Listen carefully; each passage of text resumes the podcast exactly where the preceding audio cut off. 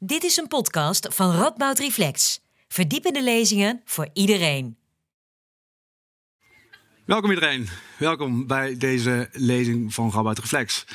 Ehm, ongeveer een maand geleden werden fans over heel de wereld opgeschrikt door het plotseling overlijden van eh, de acteur Matthew Perry. Voor velen beter bekend als de acteur die Chandler speelde in Friends. Uh, door het overlijden kwam de serie Friends weer even in de spotlight te staan. En daarbij kwam eigenlijk één vraag met name naar voren. En dat was hoe het toch zo kan zijn dat die serie, bijna 30 jaar nadat de eerste aflevering is uh, uitgekomen, nog steeds zo mateloos populair is. En niet alleen populair onder uh, mensen die tot mijn generatie behoren, dus mensen die daar in zekere zin mee zijn opgegroeid, uh, maar ook juist onder jongere generaties. en dat terwijl aan de andere kant die serie volgens velen ehm, ja, eigenlijk niet echt meer van deze tijd is. Als je kijkt naar representatie en hoe bepaalde groepen uh, worden getoond. Uh, nou, hier gaan we het over hebben, onder andere uh, met twee sprekers van de Rabat Universiteit. allereerst Josette Wolthuis. Hij is film- en televisiewetenschapper en doseert visuele cultuur. Joël Hendricks is promovendus communicatiewetenschap aan Rabat Universiteit. En zij doet onderzoek naar de effecten van de manier waarop stereotype beelden over groepen mensen in media worden gerepresenteerd kreeg niet gelijk mooi uit mijn uh, hoofd, uit mijn mond. Uh, ik ben nog Flemmix, ik ben programmamaker uh, bij Radboud Reflex. Uh, jullie zien mij straks op het podium terug en dan ga ik met hen in gesprek. maar voordat het zover is, wil ik graag eerst het woord geven aan Jozet. Dank wel.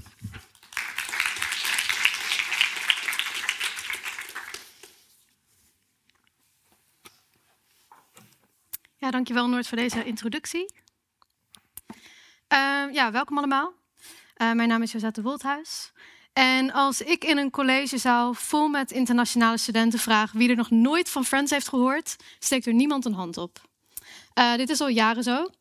Um, en zelfs degenen die de serie niet echt hebben gekeken, die herkennen het concept. Uh, want wie kent de Friends nou niet? En in een wereld waarop, waarin we toegang hebben tot een breder scala aan verschillende soorten media, uh, die we op elk moment van de dag kunnen kijken, is het best bijzonder dat er nog een serie is waar ik verwijzingen naar kan maken en ervan uit kan gaan dat de meeste mensen dat snappen.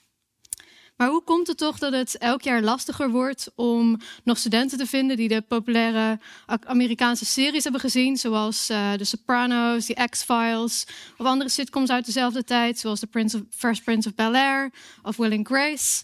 Um, maar dat ze moeiteloos referenties naar Friends allemaal kunnen opdreunen.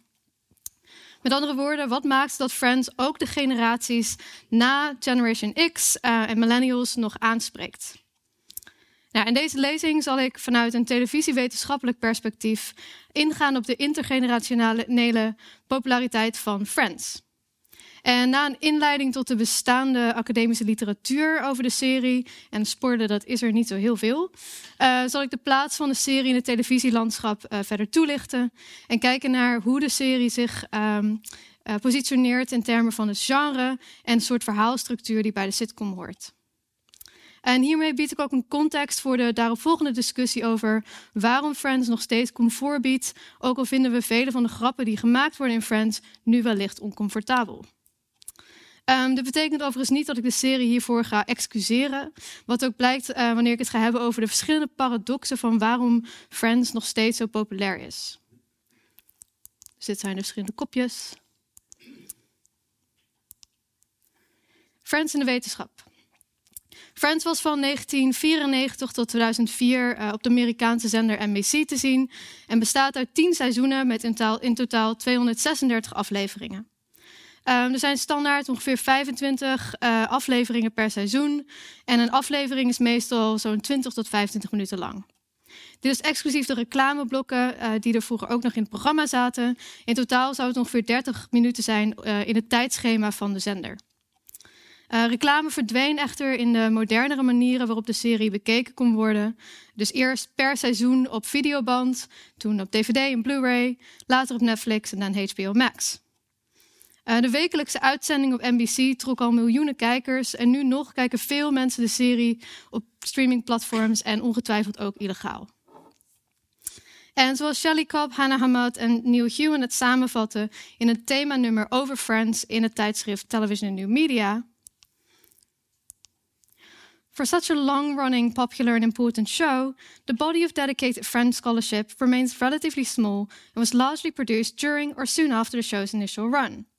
More than 10 years after its finale, the show's popularity around the world continues unabated, even as other sitcoms of its era have faded. Dus, voor zo'n belangrijke show is er eigenlijk nog opvallend weinig discussie in de wetenschap.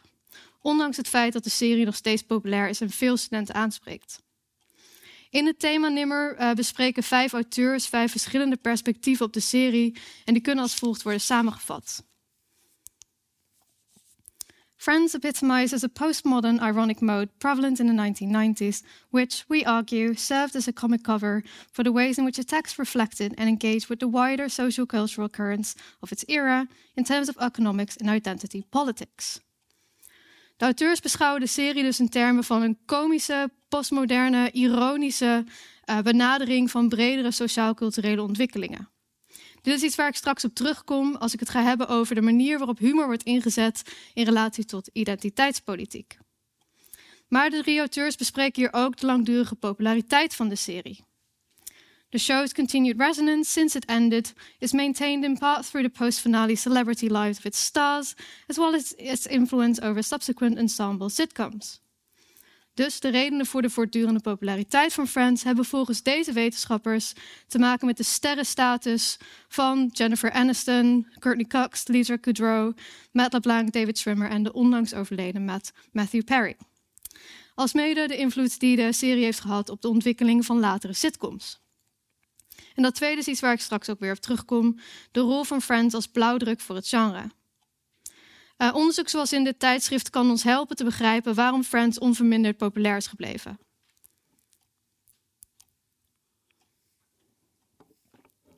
Maar waarom is er dan zo weinig onderzoek naar Friends? Hiervoor moeten we een stukje terug in de tijd. Hoewel er pas rond 2000 echt een uh, veld geïdentificeerd kon worden dat zich televisiewetenschappen mocht noemen, waren er al wetenschappers in de jaren 70 die serieus begonnen om televisie te analyseren. John Fisk en John Hartley uh, schreven al in 1978 dat het probleem met het medium precies is dat het zo vertrouwd is. Everybody knows what it is like to watch television. Dus waar hebben we dan wetenschappers voor nodig? Um, zij zagen dit echter als de kracht van het medium en een reden om het juist serieuzer te nemen als een object dat geanalyseerd dient te worden. Want juist het feit dat het medium populair is en verweven zit in onze cultuur, betekent dat als we er aandacht aan besteden, we daar iets nieuws over kunnen leren. Maar deze ja, paradox van het feit dat, uh, dus, dat televisie zo bekend is dat er eigenlijk weinig onderzoek naar werd gedaan, dat geldt ook voor Friends. Juist omdat iedereen weet hoe het is om Friends te kijken, wordt het vaak genegeerd in het onderzoek. Cobb, Hamad en Ewan leggen ook uit dat Friends vooral wordt gebruikt om andere voorbeelden tegen af te zetten. Friends is de norm, andere sitcoms, kunnen daartegen worden uh, afgezet. En daarnaast um, zit de dreiging tot vergetelheid ingebakken in de serie. Zoals Cobb, Hamad en Ewan also benoemen, begint de titel van elke aflevering met The One With. Wat een soort van knipoog is naar de betekenisloosheid van wat er in die aflevering gebeurt. Dat is die ene met dat. Uh, maar hier zit dus ook een paradox. Want zoals de auteurs schrijven, Friends belies its own postmodern ironic self-representation of meaninglessness, evidenced by its episode titles that begin the one with, protesting its memorability, forgettability, through its ability to speak to its historical moment and to have a lasting relevance beyond its own conclusion. Met andere woorden, de zogenaamde betekenisloosheid in de ironie van de serie en iets neiging om tot in de vergetelheid te raken, staat lijnrecht tegenover de blijvende relevantie van de show. Um, om te kunnen begrijpen hoe een hedendaags publiek uh, nu aankijkt tegen de serie, uh, die is van 94 tot 2004 uh, op televisie was, keer ik weer even terug naar de televisie van die tijd. Friends was namelijk niet in eerste instantie gemaakt om 30 jaar later uh, telkens maar weer opnieuw op Netflix te, te blijven bekijken. Maar uh, werd gemaakt voor een standaard televisieprogramma uh, met een voorop, af, vooraf opgesteld schema. Um, deze clip uit Friends vat de televisiecultuur best goed samen. yeah, no, no, I, uh, I play Dr. Draper Moore. I'm sorry, I don't own a TV. You don't own a TV? What's all your furniture pointed at? Ja, dus Joey vraagt zich af, als je geen televisie hebt, hoe ziet je huiskamer er dan uit? Want inderdaad, televisies waren grote rechthoekige bakbeesten waar we onze huiskamers omheen bouwden. Eh, met een videorecorder kon je uiteindelijk afleveringen opnemen en laten terugkijken. En ook kwamen de hele seizoenen van Friends uit op videoband. Later werd dat de DVD, maar zo kon je de show dus al binge-watchen. Maar zo, nooit was dat zo gemakkelijk als nu, via streamingplatforms en op verschillende, ook mobiele apparaten, waar je dus niet je hele huiskamer voor hoeft te verbouwen. Um, ongeveer parallel met Friends en vooral daarna kwam er eigenlijk steeds meer aandacht voor de zogenoemde kwaliteitsseries, die voortkwamen uit duurdere producties en dan vooral door HBO. HBO profileerde zich ook met de slogan It's not TV, it's HBO. Zulke dramaseries zoals hier uh, The Sopranos, The Wire en Six Feet Under zetten zich af tegen makkelijk weg te kijken series zoals Friends. Toch, in een tijd waarin we nu allerhande complexe drama's kunnen kijken op elk moment dat het ons uitkomt, en drama's die ook gemarginaliseerde groepen uh, representeren, keren kijkers toch nog terug naar Friends. Friends is een serie die vooral als je hem vaker hebt gezien, je ook op de achtergrond aan kunt zetten. En uh, je kunt ondertussen andere dingen gaan doen. Het is niet alsof je de draad kwijtraakt. We hebben niet altijd behoefte aan mentale gymnastiek. Uh, soms willen we dat mede ons comfort en vermaak brengen. En dat vinden we nu juist in het genre van de sitcom. In de traditionele definitie van de sitcom kunnen we ook wel drie categorieën onderscheiden. Er is een bepaalde setting, een bepaalde esthetiek en uh, een bepaald soort verhaal.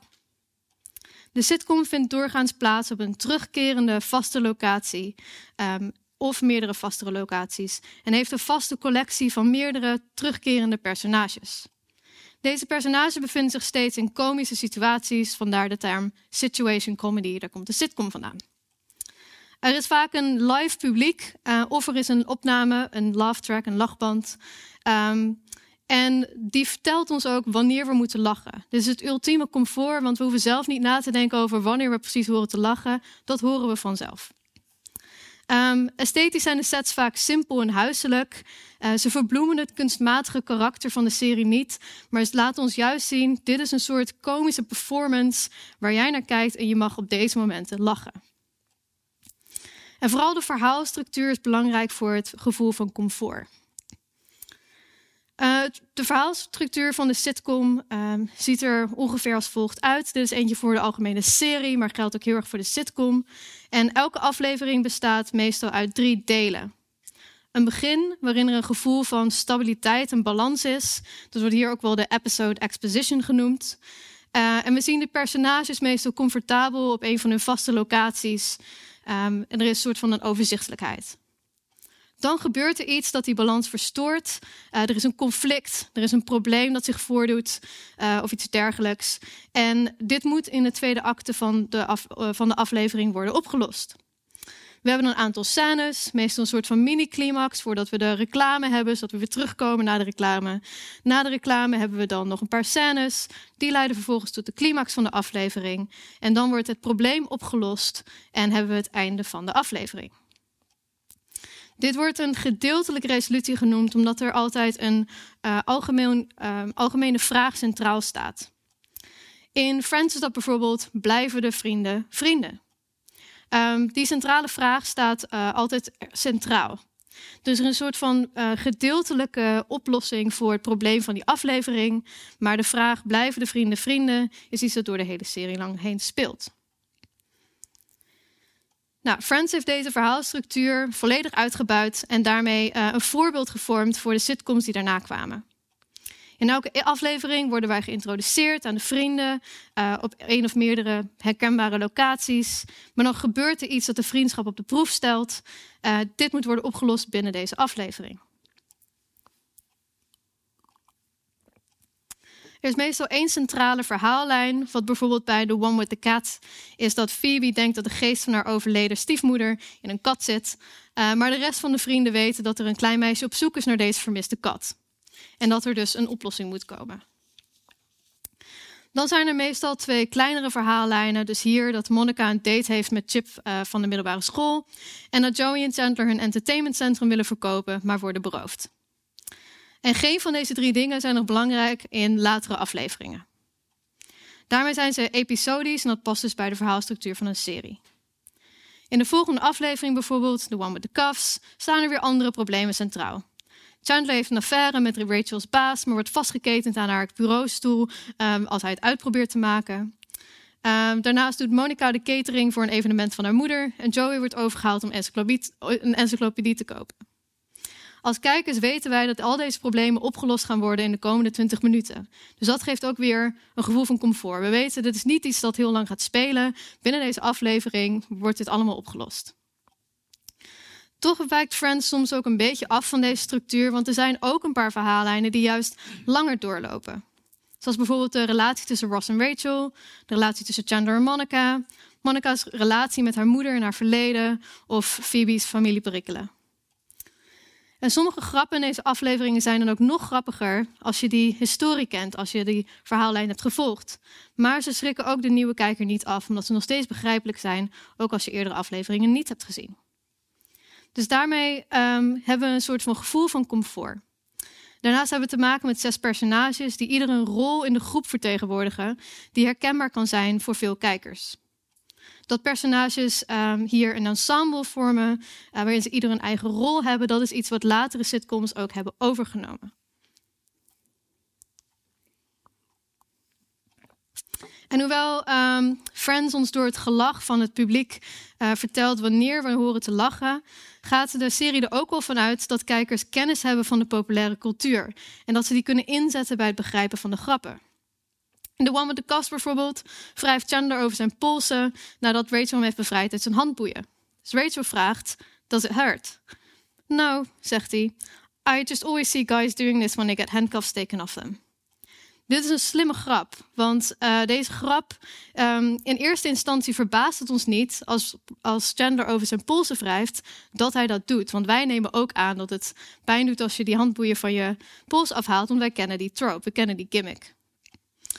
Maar dan worden we dus op gewezen dat wij die gimmick herkennen, maar dat het eigenlijk niet zo is. En dat Chandler het ook alleen maar doet omdat hij het in de film heeft gezien.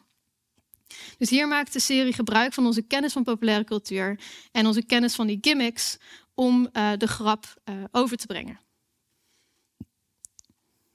Dan zijn er ook nog een aantal visuele referenties naar andere producten uit de populaire cultuur.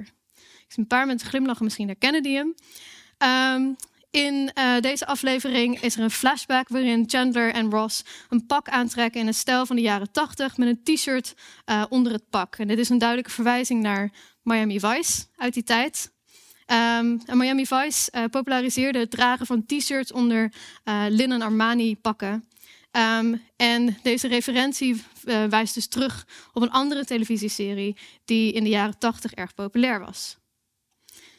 Hoewel deze verwijzing misschien minder herkenbaar is voor een hedendaags publiek, mijn studenten bijvoorbeeld hebben Miami Vice nooit gezien, uh, voegen deze verwijzingen iets toe uh, dat de serie te, tegelijkertijd in zijn eigen tijd zet, maar ook um, ons een bepaalde geletterdheid in termen van populaire cultuur aanbiedt en ook verwacht dat wij dit soort referenties kunnen opvatten. Maar ook als je die referenties niet opvat, dan nog eens deze scène grappig.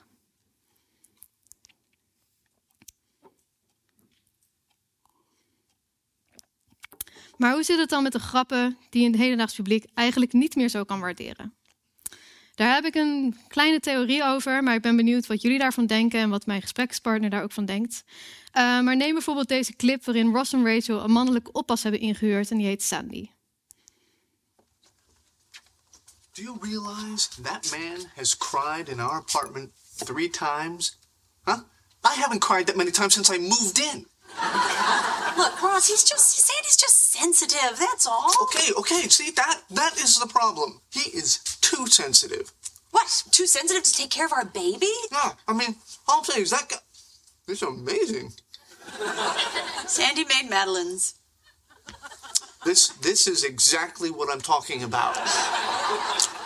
What kind of a guy makes makes delicate French cookies? Huh? They're not even butch, manly cookies with, you know, with with, with chunks. Well, you know, I I don't know what to say. I mean, I never thought of you as a guy who needed his men to be men. You know, because I got to tell you, Ross, it's not like you just came in from branding cattle.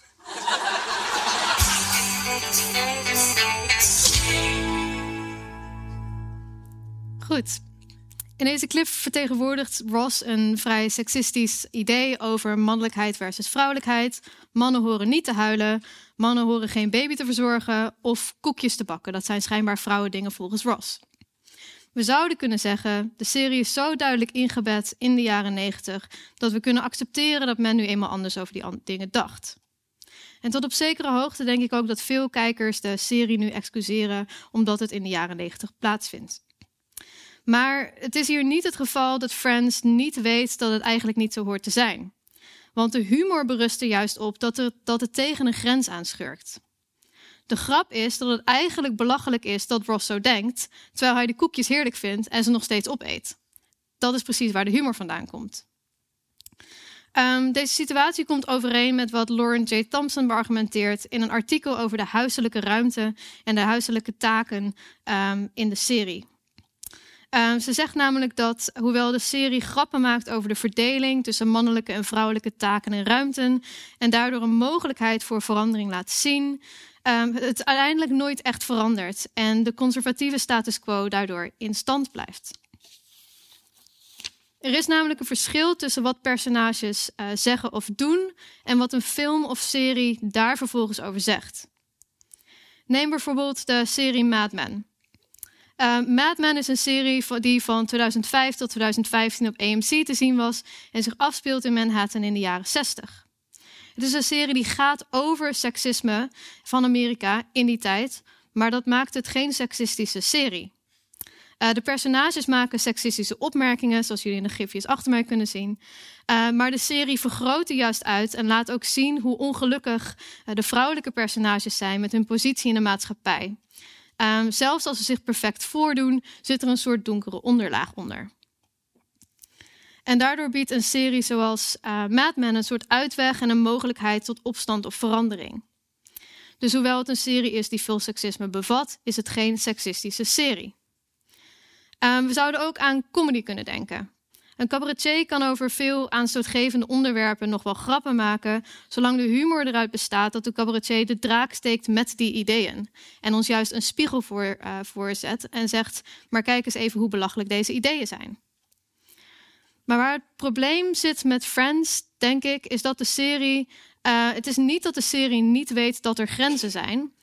Um, en het is ook niet dat de serie niet weet dat er grenzen opgezocht worden, maar dat die grenzen in de loop der tijd zijn opgeschoven. Waar veel van de grappen in de serie tegen een grens aanzitten en daardoor nog grappig zijn, op een vaak ironische manier, gaan ze nu uh, voor velen van ons toch net die grens over. Ross was in de jaren negentig een iets wat dominante, maar op zich nog wel prima gast, uh, maar wordt nu vaak uh, als problematisch of toxisch gezien. De crux is dat Ross niet veranderd is, maar wij wel. Uh, wat ik dus wil zeggen is dat de serie vaak best weet dat er grenzen opgezocht worden, maar dat hoewel dat in die tijd tegen een grens aanzat, het voor ons nu vaak over een grens heen gaat. En dat daar misschien het, het, punt zit van waarom we nu sommige grappen niet meer acceptabel vinden. Um, dus waar de seksistische, homofobe en transfobe grappen toen al tegen de grens aanzaten, zijn ze nu die grens wellicht gepasseerd. Waar we uiteindelijk mee te maken hebben is met een aantal paradoxen wat betreft de blijvende populariteit van Friends.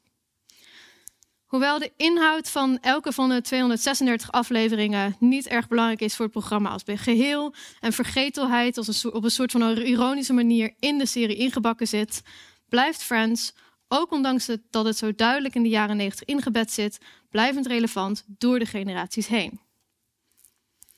Ten tweede is de show tegelijkertijd universeel genoeg dat velen zich kunnen herkennen in de vriendschappen, terwijl de serie weinig representatief is voor waar het plaatsvindt. Het is tegelijkertijd heel erg een product van de tijd, maar ook weer niet. Want grote historische gebeurtenissen zoals 9-11 worden één keer met heel kort beeld genoemd en dan vervolgens nooit meer uh, ja, getoond. En tenslotte biedt de serie een grote mate van comfort door andere, onder andere de verhaalstructuur. Maar die vertrouwdheid kan doorbroken worden omdat we nu vinden dat grappen soms over onze grenzen heen gaan. En als we normaal gesproken naar media uit het verleden kijken, dan moeten we die zien binnen een historische en culturele context. En vanuit het perspectief kunnen we er dan kritisch naar kijken. Dat is ook iets wat we op de universiteit doen. Maar Friends is nou juist een serie die, um, waarvan we niet uh, diep erop in willen gaan. Uh, waarbij we niet diep willen nadenken. En die we kijken voor ons comfort met een lachband die ons precies vertelt wanneer we moeten lachen. Dus daar schuurt het ook.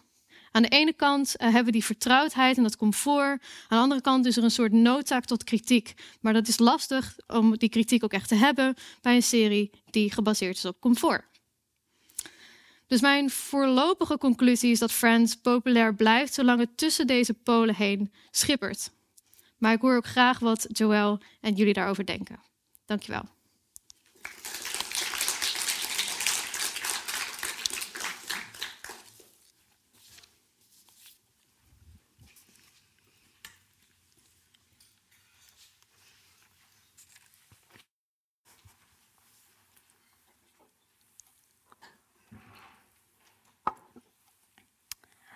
Oké, okay, uh, eh, dankjewel Jette. Ik wil het graag uh, met jullie hebben vanavond over de controverse rond de diversiteit in Friends. Ondanks dat uh, de discussie de over diversiteit de laatste jaren eigenlijk pas echt een hot topic uh, is geworden, speelt die controverse eigenlijk al sinds dat die serie voor het eerst op televisie was. En ik hoop dan ook niet dat jullie van mij of van ons vanavond een antwoord verwachten van is die diversiteit in Friends vinden we dat nou goed of vinden we dat nou niet goed? Uh, ik ga jullie vooral uh, in een soort van vogelvlucht meenemen door allerlei communicatiewetenschappelijke ideeën en redeneringen, zodat jullie zelf uh, kunnen bedenken wat jullie standpunt in deze discussie is. Maar voordat ik die theorie induik, wil ik nog even duidelijk maken hoe die serie, die nu nog steeds zo populair is, dat die eigenlijk tot heel veel uh, inspiratie kan leiden. De serie uh, is wordt nog steeds overal gestreamd. Was een tijd lang de meest bekeken serie in de Verenigde Staten. Uh, er zijn nog steeds talloze fan- en meme-accounts van de serie. Er gaat momenteel een Friends Experience de wereld over. Dus nog altijd interacteren heel veel mensen met de serie. En is er dus ook heel veel gelegenheid tot inspiratie door de serie. En om het even persoonlijk te maken, uh, heb ik deze foto meegenomen van Rachel's English Trifle, uh, die ik in mijn studententijd voorgeschoteld kreeg door een van mijn vrienden, die dacht dat dat een goed idee was om dat als dessert voor het kerstdiner te maken. Voor wie hem niet meteen scherp heeft, dit is de trifle die Rachel maakte. En het was een ongelukje dat ontstond doordat de bladzijden in het kookboek van trifle en shepherd's pie aan elkaar geplakt waren. Dus we hadden een toetje met gehakt en ertjes erin. Uh, om Rachel meteen ook maar even te quoten: It tasted like feet. Uh, een heel uh, onschuldig en grappig voorbeeld, maar wel om aan te tonen hoe, hoe zo'n fenomeen, hoe zo'n serie eigenlijk al op een hele makkelijke en laagdrempelige manier tot ja, daadwerkelijke inspiratie kan leiden. als we naar de serie Friends kijken, dan als ik jullie zou vragen, oké, wat zijn de voornaamste thema's die in die serie uh, nou aan bod komen, dan zullen thema's zoals uh, vriendschap, uiteraard, familie en liefde al snel opkomen. Maar je zou kunnen zeggen dat er nog een algemener uh, thema is, meer een overkoepelend thema, en dat is het thema van volwassen worden. En dat thema is zo'n universeel thema, omdat wij allemaal, maakt niet uit wel wat je cultuur of subcultuur is, door dat proces van volwassen worden heen gaan. Je zou kunnen zeggen dat dat een gedeelde menselijke ervaring is. En dat universele, dat, dat universele thema maakt dat eigenlijk iedereen zich wel in een persona personage of verhaallijn kan herkennen. Je kan altijd wel een haakje vinden, uh, zou je kunnen zeggen. Uh, en eigenlijk, als je er op die manier naar kijkt, zou ik nu kunnen stoppen met praten. Want waarom hebben we dan die discussie van diversiteit? Als het toch zo universeel is dat iedereen zich erin kan herkennen. Maar ja, die discussie bestaat nu eenmaal. En ik wil jullie even toch dieper die discussie mee innemen. Om te kijken, oké, maar waarom is dat nou uh, zo'n belangrijk, relevant of misschien juist niet uh, punt? Een van de uh, punten die vaak gemaakt wordt in discussies over diversiteit is dat uh, wat wij kijken, dus films en series zoals Friends, dat dat een uh, weergave moet zijn van de werkelijkheid. als we kijken naar Friends, dat speelde zich af in New York, zoals de meeste van jullie wel weten, specifiek in Greenwich Village, een buurt in Manhattan. En ik heb hier even de cijfers op een rijtje gezet. Uh, van uh, hoe die bevolking er toen en nu uitzag. En wat je eigenlijk ziet is dat uh, in de jaren 90 ongeveer 45% van de bevolking wit was in New York. en nu is dat ongeveer 31%. En specifiek in Manhattan lagen die aantallen eigenlijk toen en nu allebei hoger. Dus in de jaren 90 was het ongeveer 10% hoger dan gemiddeld. En dat verschil is eigenlijk alleen nog maar groter geworden. Andere grote groepen in New York zijn uh, Latinx-mensen of uh, Afro-Amerikanen. Uh, en het is wel zo, wat ook een belangrijk punt is om even te benoemen, is dat het inkomen in Manhattan veel hoger ligt dan gemiddeld in New York. En ook veel hoger dan gemiddeld in Amerika en andere delen van de wereld. Dus als je daarnaar kijkt, zou je kunnen zeggen, eigenlijk geen van de Friends had dat inkomen. Uh, zeker in het begin niet van de serie. Uh, en wat als laatste punt belangrijk is om te noemen om die context van die werkelijke wereld, uh, is dat Greenwich Village historisch gezien een belangrijke plek was voor de LHBTI-gemeenschap en voor veel LHBTI'ers ook als een soort van thuishaven in New York wordt gezien. Het was bijvoorbeeld ook waar de Stonewall riots plaatsvonden, een belangrijk historisch moment in de LHBTI-geschiedenis. Uh, als je naar deze data en feiten kijkt, zou je dus kunnen zeggen dat, ja, oké, dan had de, hadden de personages er misschien anders uit moeten zien in Friends. Maar ja, waarom is dat nou zo belangrijk? Daar kunnen we eigenlijk op drie manieren naar kijken. Het eerste is dat de media die we consumeren, de films en tv-series die wij zien, uh, dat je die kan zien als een soort van proxy van bewegingen in de maatschappij. En dat betekent dat ze uh, weergeven welke bewegingen er in de maatschappij zijn. Zo uh, kan je bijvoorbeeld stellen dat de groepen die wij veel op tv zien, dat dat ook de groepen zijn die wij belangrijker vinden of die meer uh, macht of kracht hebben in de maatschappij, dat dat dezelfde groepen zijn. Dat komt ook overeen met de cultivatie, wat cultivatietheorie en onderzoek op basis van die theorie stelt. Namelijk dat televisie die speelt een hele belangrijke rol in onze socialisatie. Socialisatie is eigenlijk het proces van opgroeien, het worden van een van onderdeel van de maatschappij. En uh, televisie, uh, die, die, die zegt ons eigenlijk van oké, dit is hoe jij en anderen worden gezien in de wereld. Als we het combineren met social learning, dan houdt dat in dat wat wij op televisie zien, daar leren wij van en dat maken wij ons eigen. En we kunnen dat dus, wat we op televisie zien, toepassen op onszelf en op andere mensen. En als laatste is er dan nog social identity theory. En vanuit dat idee is het zo dat we in, in, in televisie, in media op zoek gaan naar groepen, naar onze eigen groep. En kijken hoe, hoe onze groep en andere groepen gerepresenteerd worden. En we vergelijken die representaties dan. En als je jezelf dan dus niet ziet, dan, dan zou dat ertoe kunnen leiden dat je je eigenlijk jezelf of de groep waar jij toe behoort als minderwaardig ziet. En dat kan een soort van gevoel van machteloosheid bij je achterlaten. In onderzoek zien we dan ook dat de manier waarop en uh, de, de mate waar, waarin uh, groepen gerepresenteerd worden invloed heeft op het zelfbeeld van mensen maar ook op hoe wij tegen andere groepen dan die van onszelf in de maatschappij aankijken. Dat kan, uh, die invloed kan zowel op positieve als op negatieve manieren gebeuren. Bij invloed op het zelfbeeld kan je bijvoorbeeld denken aan carrière en loopbaan, carrière en studiekeuze. En lichaamsbeeld. En in een positief uh, geval kunnen media ook als rolmodel fungeren. Dus ze, ze, kunnen jou laten zien dat er ook andere mogelijkheden zijn dan, het dan de stereotype mogelijkheden die, die horen bij het hokje waar jij in de maatschappij in zit. Dus bij de groep waar jij in zit. Zo weten we bijvoorbeeld dat zwarte superhelden uh, al, zelfs al bij zwarte kinderen van jonge leeftijd uh, die rolmodelfunctie kunnen hebben. Bijvoorbeeld tot het doen en kiezen van welke sport ze willen doen. En die invloed en hoe wij andere groepen zien, dat is dan meer in uh, vooroordelen of stereotyp denken. Zo weten we bijvoorbeeld dat media invloed kunnen hebben op het verminderen of versterken van vooroordelen ten opzichte van transpersonen, zwarte mensen of mensen met een beperking. Uh, in algemeenheid kan je eigenlijk zeggen dat media een soort van zandbak zouden kunnen zijn. Dus ook films en tv-series zoals Friends, om met identiteiten te spelen. Wie ben ik? Waar hoor ik bij? Waar hoor ik juist niet bij? En hoe kan ik andere mensen waar ik niet bij hoor, hoe zie ik die? Je kan eigenlijk, doordat je interacteert met al die verhalen en personages, uh, spelen met wat je wel en niet bent en wat je wel en niet wil zijn.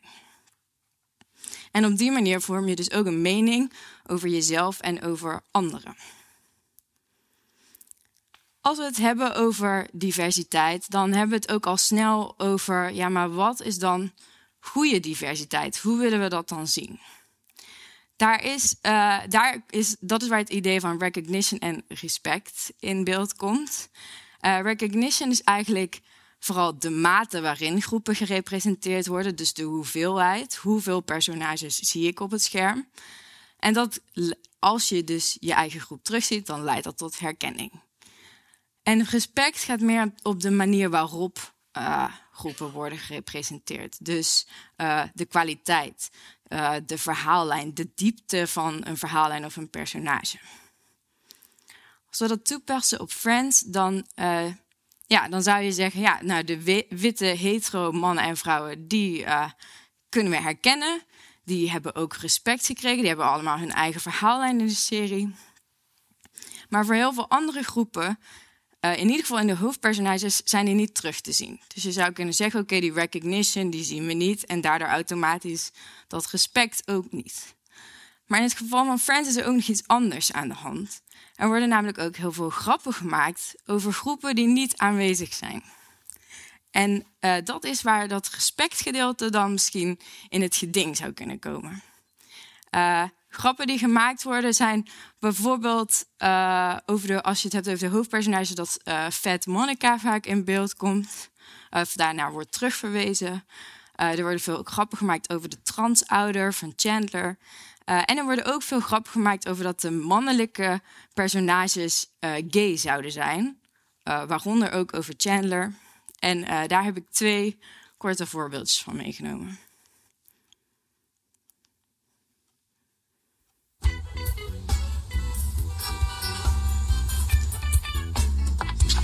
Hey, gorgeous. How's it going?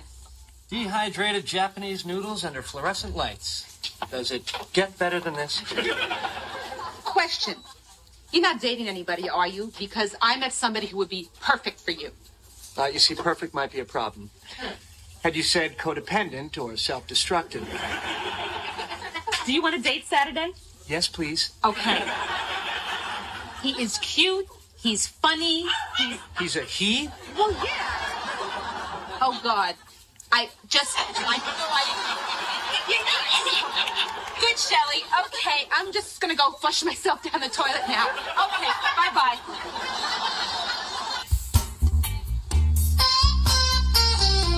I just have to know, okay? Is it my hair? Yes, Chandler, that's exactly what it is. It's your hair. Yeah, you have homosexual hair. Wat je dus ziet in zijn reacties is dat hij dat eigenlijk heel vervelend vindt. Dat andere mensen hem uh, gay noemen. En dat is eigenlijk ook het moment dat er gelachen wordt. En dat wij dus ook meelachen. En eigenlijk juist dat stukje, dat hij dat zo vervelend vindt en dat we daarom lachen. Uh, dat is wat je other deprecating humor zou kunnen noemen. Namelijk ander afkeurende of spotten met de ander. En in dit geval wordt er eigenlijk... Uh, een vergelijking gemaakt tussen een groep die Chandler niet wil zijn. Dus daar komt dat afkeurende vandaan. En hij zet eigenlijk zichzelf af uh, van die groep. En wat er eigenlijk gebeurt op het moment dat je dit type humor gebruikt, is dat je mensen uitnodigt om mee te lachen en om mee zich af te zetten tegen die groep. En dat zou ervoor kunnen zorgen dat mensen in de realiteit, in de werkelijkheid, zich ook distancieren van die groepen. Betekent dat dan automatisch dat als we lachen om dit soort grapjes, dat we dat dan ook gaan doen? Nee, niet meteen. Maar wat heel interessant is aan sitcoms zoals Friends, die een lange looptijd hebben van 10 seizoenen. Uh, wat was het? 25 afleveringen per seizoen? 24, 25. Veel afleveringen per seizoen. Lange looptijd te streamen. Dus we hebben lange tijd om connecties op te bouwen met die karakters. En op het moment dat we dat doen, dat we een wat wij noemen parasociale uh, verbinding aangaan met die karakters, uh, dan ja, dan is de kans groter dat we zeg maar, hun denkbeelden ook gaan overnemen. En dat zou in het geval van uh, dit soort grappen over homo zijn, dus negatief kunnen uitpakken. Ik heb jullie nu in een vogelvlucht door allerlei communicatiewetenschappelijke theorieën um, meegenomen. En dat is super interessant, maar ik vind het ook belangrijk om even te kijken naar de praktijk. En te kijken naar wat uh, is er nou gebeurd met die makers van Friends uh, sinds dat het uh, de wereld in was gebracht? En wat we eigenlijk zien, daar zien we eigenlijk een hele interessante ontwikkeling. namelijk dat de acteurs achter de serie, David Schwimmer bijvoorbeeld, die Ross speelde, die vertelt dat hij dat diversiteit dat hij die eigenlijk altijd al heel belangrijk vond. En dat hij ook actief zijn best deed tijdens de looptijd van de serie, dus toen de serie nog werd gemaakt, om daar uh, voor te campaignen en te zorgen dat Ross dus verschillende soorten, verschillende diverse vriendinnen kreeg. En Lisa Kudrow, die Phoebe speelde, die zegt ook, ja, als je het nu opnieuw zou maken, dan zou het nooit een helemaal witte cast zijn. Maar ze vindt ook dat we niet te kritisch moeten zijn op de serie zoals die is. En dat we het moeten zien als een soort van tijdcapsule. Wat wel interessant is, is dat Martha Kaufman, een van de makers van Friends, uh, dat was een duo, zij uh, heeft vorig jaar twee keer haar excuses aangeboden, namelijk voor het misgenderen van de transouder van Chandler en voor het gebrek aan uh, zwarte hoofdpersonages. En daar deed ze zelfs een donatie voor van 4 miljoen over onderzoek naar Afrikaanse culturen. Nou kan je zeggen allemaal hele mooie PR, of je kan zien zeggen, in deze situatie zien we eigenlijk heel mooi of heel schrijnend hoe het medialandschap is veranderd. Uh, ik kan niet echt zeggen welke van de tweede aan de hand is. Maar het is op zijn zacht gezegd een interessante ontwikkeling die ik jullie even mee wilde geven in het verder vormen van je eigen standpunt in deze discussie. Uh, en ik hoop dat ik jullie daar vandaag een beetje op weg heb geholpen.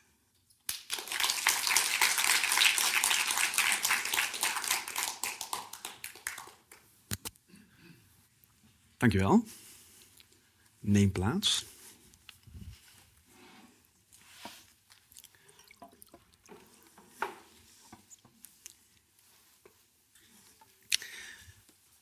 Dankjewel voor jullie uh, inbreng, beiden. Um, ik wil eigenlijk beginnen met een, uh, een, wat luchtige persoonlijke vraag eigenlijk. Uh, beschouw je jezelf als Friends-fan? Jij liet al iets zien dat je in ieder geval de kookkunst hebt overgenomen of het laten inspireren daardoor. Hoe zou je jezelf als Friends-fan definiëren, zeg maar? Uh, nee, ik zou eigenlijk mezelf niet als Friends-fan definiëren. Vooral de mensen om mij heen zijn echte Friends-fan. Die kwamen ook uh, met het toetje eigenlijk. Uh, ik heb zelf de serie wel één keer van helemaal van voor tot achter gekeken. En vaak losse afleveringen. Want zoals jij al mooi uitlegde, kan dat heel makkelijk. Ik weet niet of ik mezelf als fan zou bestempelen. Ik mhm. denk dat ik daar te erg een televisiewetenschappelijke bril voor op heb. Ja. Uh, maar ik ben wel ook soort van opgegroeid met Friends. Uh, ik had vroeger alleen een videoband van seizoen 4 van Friends. Dus ik ken vooral seizoen 4 heel goed. Uh, en pas later, toen het op de streaming services kwam, ben ik de serie van voor tot achter gaan kijken. Oké, ja. Um, ik wil even met, met jou beginnen. Jij, gaf aan, ja, je, je, gaf eigenlijk aan, hoe ik het heb begrepen, dat Friends een soort, je zou het als een blauwdruk kunnen zien voor de sitcom. Um, ik, ik, ben nog steeds wel aan het zoeken waarom het dan nu nog steeds zo verschrikkelijk populair is. Want je zou, je zou kunnen, tenminste, ik, zou dan denken, er zijn sitcoms die later zijn gekomen, die natuurlijk die formule uh, ook gebruikt hebben. Maar op een of andere manier lijken die toch minder geslaagd te zijn in ons zo te binden aan die serie? Wat, wat maakt dan toch dat Friends daarin uniek is? Heeft dat te maken met die structuur die ze perfect uh, volgen, zeg maar, of heeft het andere redenen volgens jou? Ja, zoals je zegt, het is een soort van blauwdruk. Dus het is uh, een serie waar veel nieuwere sitcoms naar terug verwijzen. Ja. En eh, sitcoms ehm, zijn vaak eh, erg een soort van ingebed in de tijd waarin ze gemaakt zijn. Ehm, maar het is inderdaad wel interessant dat bijvoorbeeld eh, Will and Grace eh, niet Ja. meer zo populair is als Friends.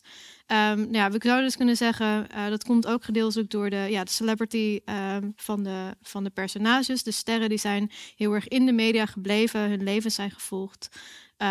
Dus de soort van de sterrenstatus van de personages, van de sterren, werkt erin mee.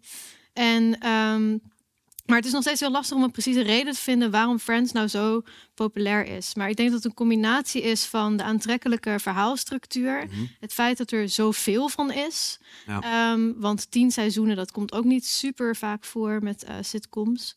Ehm, en ehm, ja, het feit dat we die zes personages hebben die ieder een stereotype vertegenwoordigen, waarin eh, bepaalde mensen zichzelf kunnen vinden. Hm. En dat is iets wat andere sitcoms hebben overgenomen, waarvoor Friends inderdaad een soort van blauwdruk heeft geleverd. Ja, oké.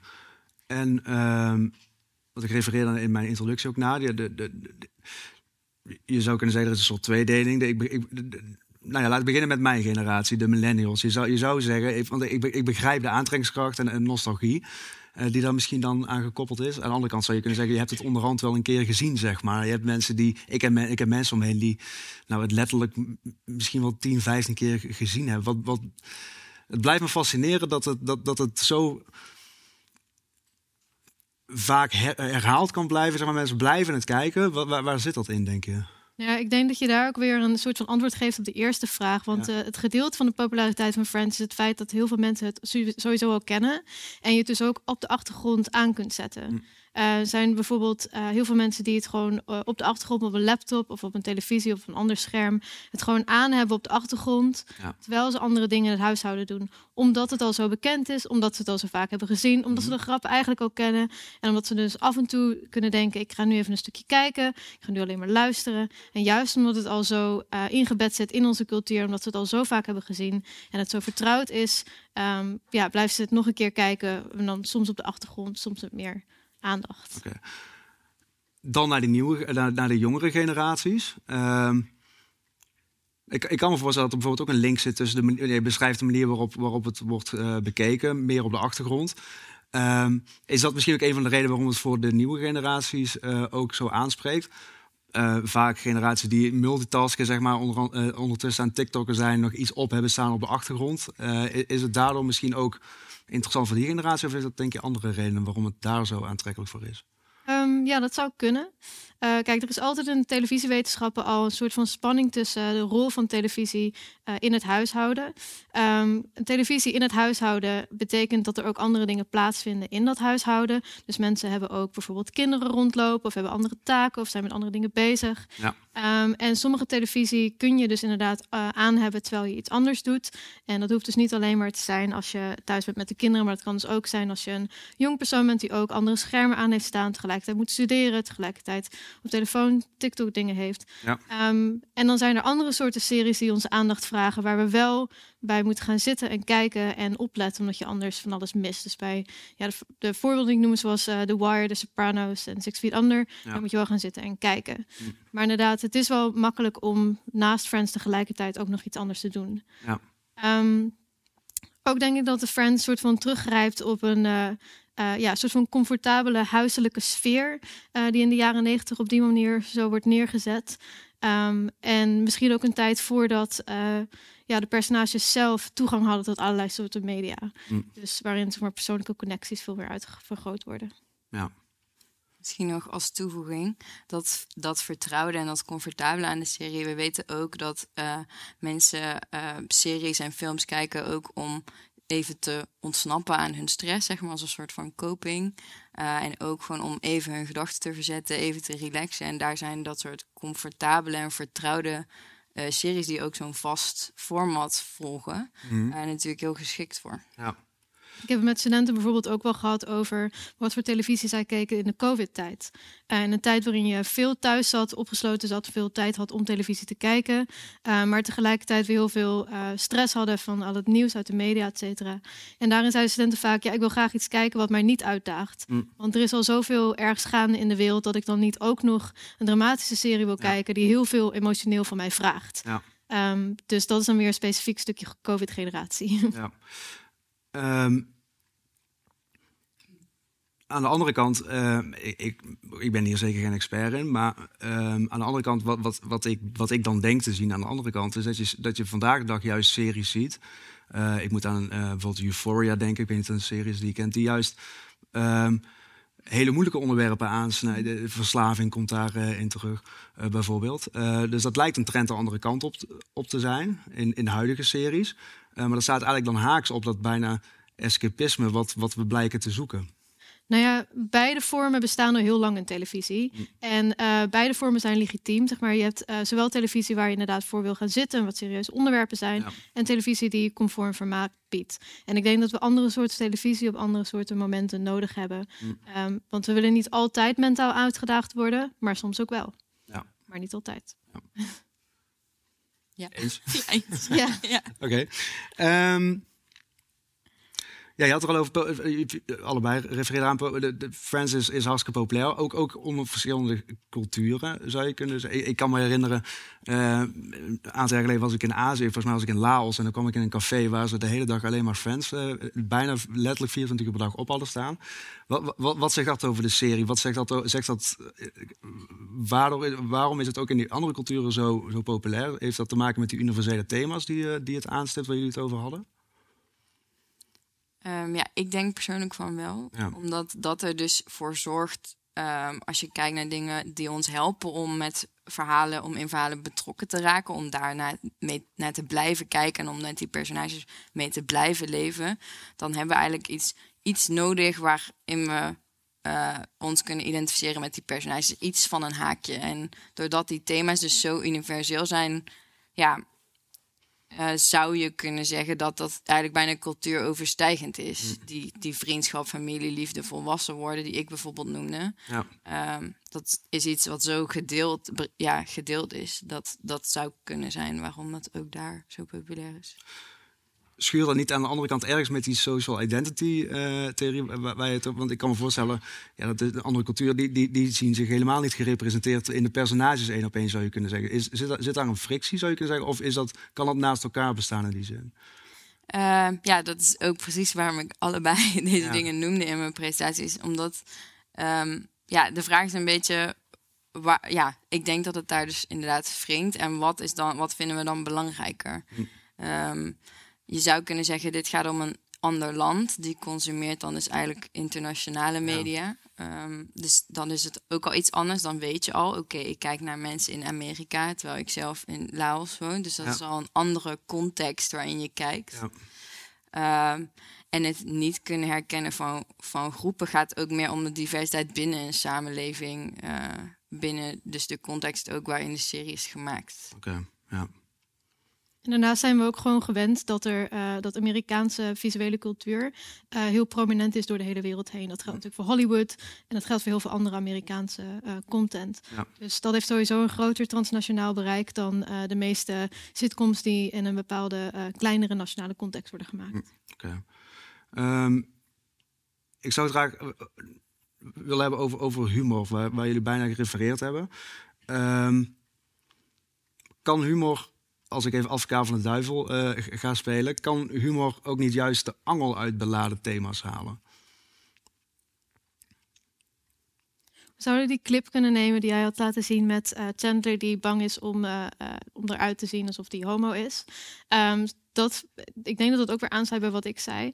Ik denk dat de serie hier weet dat ze een grens opzoeken dat het eigenlijk soort van belachelijk is dat we aan zijn haar kunnen zien wat zijn seksualiteit is. Dat ja. is de grap. Mhm. De grap is dat, het, dat we dat eigenlijk niet kunnen zien aan iemands haar.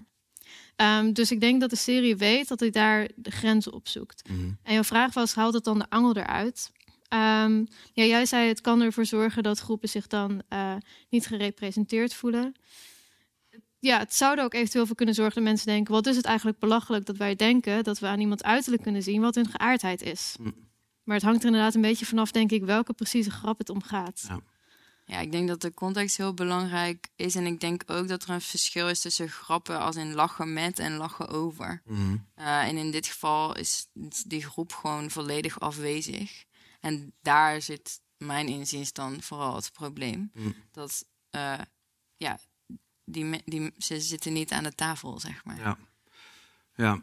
Eh, ja begrijp ik. Zou, zou je ehm, aan de andere, laat ik dan nog een keer de advocaat van de duivelpositie Mhm. innemen. Zou, je eh, toch ook niet kunnen zeggen, juist als je bepaalde thema's ehm, gaat, gaat uitsluiten van humor en, en, en zegt hier gaan we geen grappen over maken, want dat is te beladen. Maak je het daarmee niet juist nog beladener? Ja, ik denk, Vestig niet de, de, de- ja. Ja, ik denk ook niet dat je kan zeggen, je mag ergens geen grappen Mm. over maken. Ik denk niet dat dat kan. En ook als je televisie of eh, en film als soort van kunstvorm ziet, Ja. dan ja, kunst zoekt die wrijving op. En daardoor gaan wij nadenken en onze eigen mening daarover vormen. Dus het is niet zo dat dat niet kan bestaan. Ik Mm. denk alleen dat de manier waarop en de context van die grappen dus wel heel veel uitmaakt. Mm.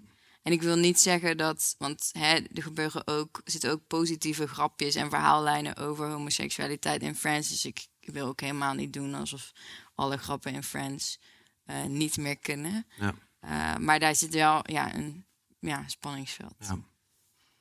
Ja, en ik denk dat het ook weer te maken heeft met dat eh, opzoeken of eh, passeren van de grenzen. Dat het heel erg afhangt van eh, hoe dat gebeurt. En zoals ik al zei, in, in cabaret bijvoorbeeld eh, kun je over veel dingen nog wel veel grappen maken. Zolang er, ehm, denk ik, duidelijk is dat dat watgene waar grappen over worden gemaakt, dat die ideeën een soort van belachelijk zijn. Mm. Zoals wat ik zei, het idee dat we aan Chandler's haar kunnen zien wat zijn geaardheid is, dat is een bespottelijk idee.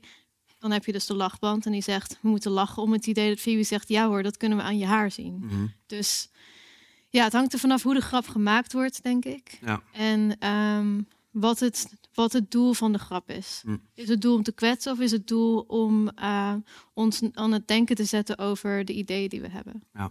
Ja, en wat misschien ook nog een belangrijke toevoeging is, is dat je op, als maker niet heel veel invloed hebt hoe, de, hoe het publiek jouw grap interpreteert. Want jij ziet de lach als reactie op Phoebe. En ik had de lach in dit geval geïnterpreteerd op zijn afwijzing van het homo zijn. Ja. Zijn, zijn gefrustreerdheid. Zeg maar. Dus ja, daar ligt, ja, er ligt ook iets in de eye of the beholder. Zeg maar. Ja, ehm, maar er ligt dus ook een verantwoordelijkheid, als ik jullie goed begrijp, van, eh, van de maker in die zin.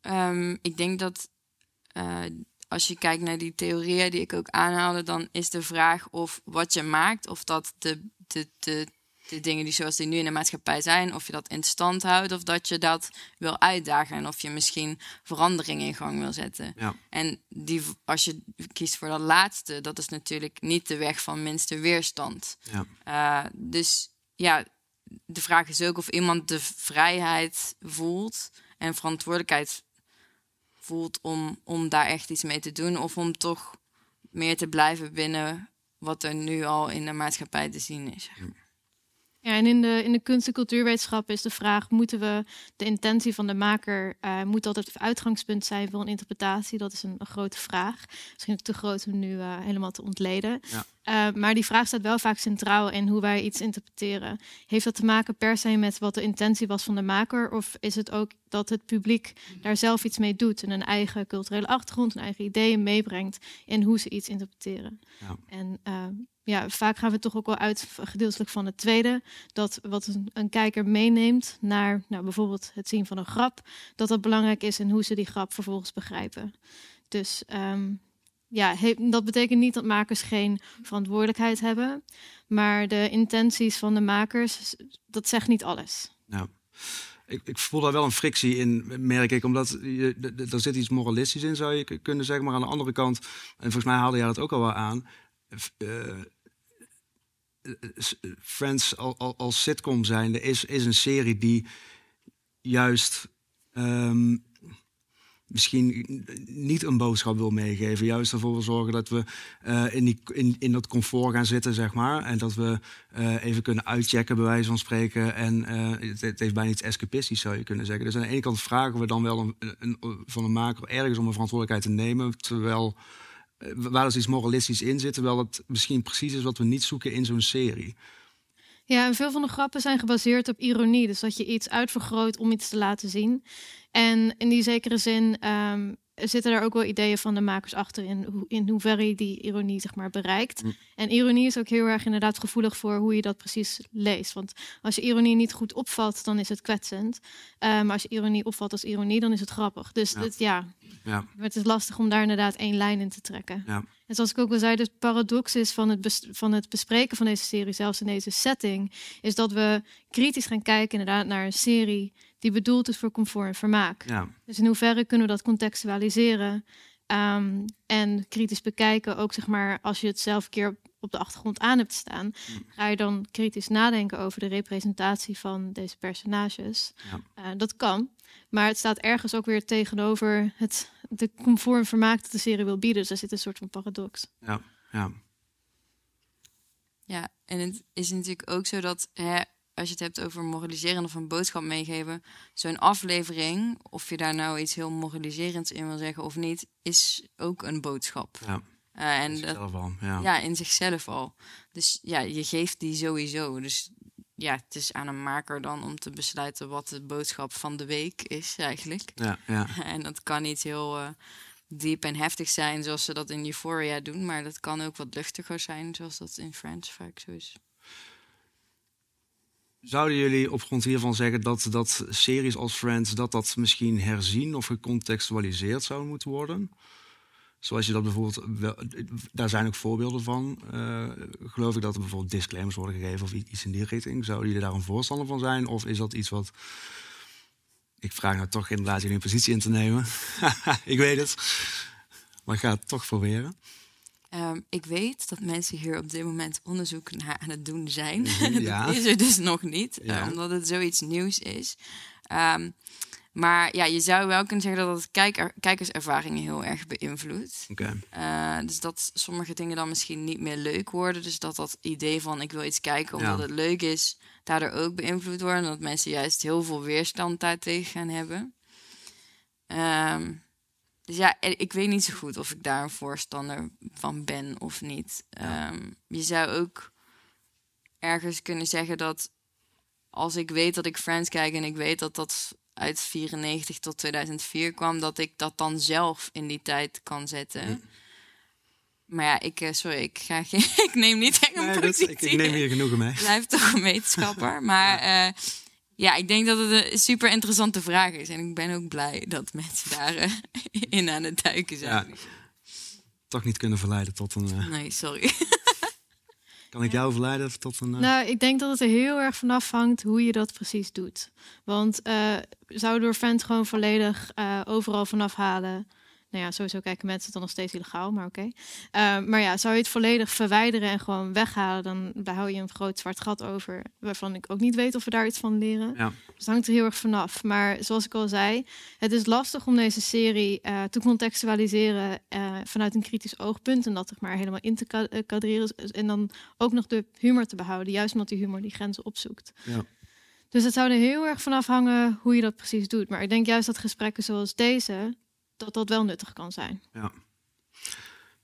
Deze discussie, want het is, het, we hebben nu over, over Friends als televisieserie. Dit, deze discussie binnen de kunst eigenlijk eh, wordt, wordt ook wel meer gevoerd. Ik heb een tijdje geleden ook een, eh, eh, een programma gemodereerd van, van Radboud Reflex... waarin we eigenlijk een soortzelfde discussie hadden over de herschrijvingen van de boeken van Roald Dahl. Eh, waar ook, nou goed, dat ook niet, niet, vervolgens sommige niet meer van deze tijd zou zijn. Ehm, maar wat in die discussie, wat wat in die gesprekken eh, eh, ook al sterk naar voren kwam, was de rol van de kunstenaar. Het wordt, boeken, literatuur wordt eh, op een of andere manier toch sneller als een kunstvorm gezien dan televisie. Ehm, en is dat dus een argument dat vaak wordt, wordt verdedigd. De, de autonomie van de kunstenaar, daar moet je niet mee gaan rommelen. Dit is hoe hij het bedoeld heeft en klaar. Die discussie lijkt hier eigenlijk afwezig als het gaat om, om series. Nou ja, weet je wat het is met een uh, productie van een serie? Er zijn hele grote groepen mensen bij betrokken. Um, als we het over een film hebben, dan hebben we alweer een regisseur. En die regisseur staat dan, uh, ja, is dan een soort van uh, persoon die de film representeert. Dus als mensen dan op zoek zijn naar de maker, de auteur, de kunstenaar, dan is dat meestal de regisseur. Ook al zijn er bij het maken van een film ook heel veel mensen betrokken. Ja. Maar met een serie, um, daar, dat is televisie wordt gemaakt door teams van mensen. Uh, veel televisieshows hebben niet eens dezelfde schrijvers voor elke aflevering of dezelfde mensen die uh, de regie op zich nemen of de productie. Dus het is voor televisie over het algemeen lastiger om een kunstenaar aan te wijzen, ja. omdat het vaak gemaakt wordt door een grotere groep mensen. Ja. Blijft wel staan dat het, dat het aan zich een, een uh, even los aan van de maker, onderstreep je uh, de, uh, het idee dat het, dat het wel een kunstvorm is en dat het dus over kunst hebben. Dus in die zin zou je wel kunnen zeggen dat het dat, dat je, kan, je kunt dan misschien niet één um, maker of één kunstenaar aanwijzen, maar misschien dat de discussie nog steeds wel hetzelfde blijft. In die zin moet je aan kunst, zoals het gevormd is, zeg maar, of hoe het gecreëerd is, moet je daaraan rommelen. Ik, ik, neem, ik vraag niet in, ik vraag niet om naar een positie in, in te nemen, maar herken je dat die discussie anders is bij, bij televisie als met andere, uh, ten opzichte van andere vormen van kunst. Tenminste, dat is wat mij opvalt als ik naar dit soort gesprekken kijk. Ja, misschien is het ook omdat uh, nou televisie ten eerste is sowieso kunstvorm. Ja. Um, maar wat interessant aan televisie is ook dat het vaak minder eindig is dan uh, bijvoorbeeld een boek of een film. Hm. Uh, omdat er altijd een mogelijkheid is dat er nieuwe afleveringen komen, dat er op voortgebouwd wordt voor veel series, niet voor alles. maar als je kijkt naar bijvoorbeeld Twin Peaks, dat was in de jaren 90, 91, had de originele serie, er waren twee seizoenen en 25 jaar later kwam er een derde seizoen. Um, dus de mogelijkheid dat het dat het niet afgelopen is, die ja. blijft ook wel bestaan bij, bij televisie. En dat is ook wat misschien, ja, die openheid is wat anders dan misschien de geslotenheid van een uh, op zichzelf staand kunstwerk. Ja, oké. Okay. Um, producenten, regisseur van, van, van vandaag de dag, wat kunnen die volgens jullie van Friends leren? Wat zijn dingen die ze kunnen overnemen? Wat zijn dingen die ze moeten mijden? Ja, zoals ik zei, onze grenzen zijn anders dan voorheen. Uh, dus als je nu een grap wilt maken, dan zul je de grens ergens anders moeten opzoeken. Ja, ja en ik denk uh, persoonlijk wel gebaseerd op zeg maar, de kennis die ik heb en ook de perspectieven die ik aanneem in mijn onderzoek, dat het uh, wel belangrijk is om zowel voor als achter de camera die diversiteit ja, aan bod te laten komen. Juist omdat je dan je eigenlijk als bijna vanzelf een weg weten bijna in deze discussies. Omdat op meerdere levels denken meerdere verschillende soorten mensen mee. Um, en ik denk dat je daardoor wel ook iets totaal van deze tijd kan maken. En dat hebben ze toen in de jaren negentig ook met Friends gedaan. Um, en ik denk dat dat vooral heel belangrijk is. Ja. En dat universele wat in Friends is, dat is natuurlijk super mooi. En ja, ik denk dat je dat nu in heel veel films en series zit dat ook nog steeds. En dat zijn, is vaak ook wat ze zo aantrekkelijk en succesvol maakt. Ja. ja, diverse teams die produceren sowieso meer diverse eindproducten. Ja. Dank jullie wel. Dat zijn mooie uh, laatste woorden voor ons gesprek, denk ik. Uh, dank je wel voor jullie aandacht. Bedankt jullie nogmaals voor de, voor de bijdrage. En uh, fijne reis thuis.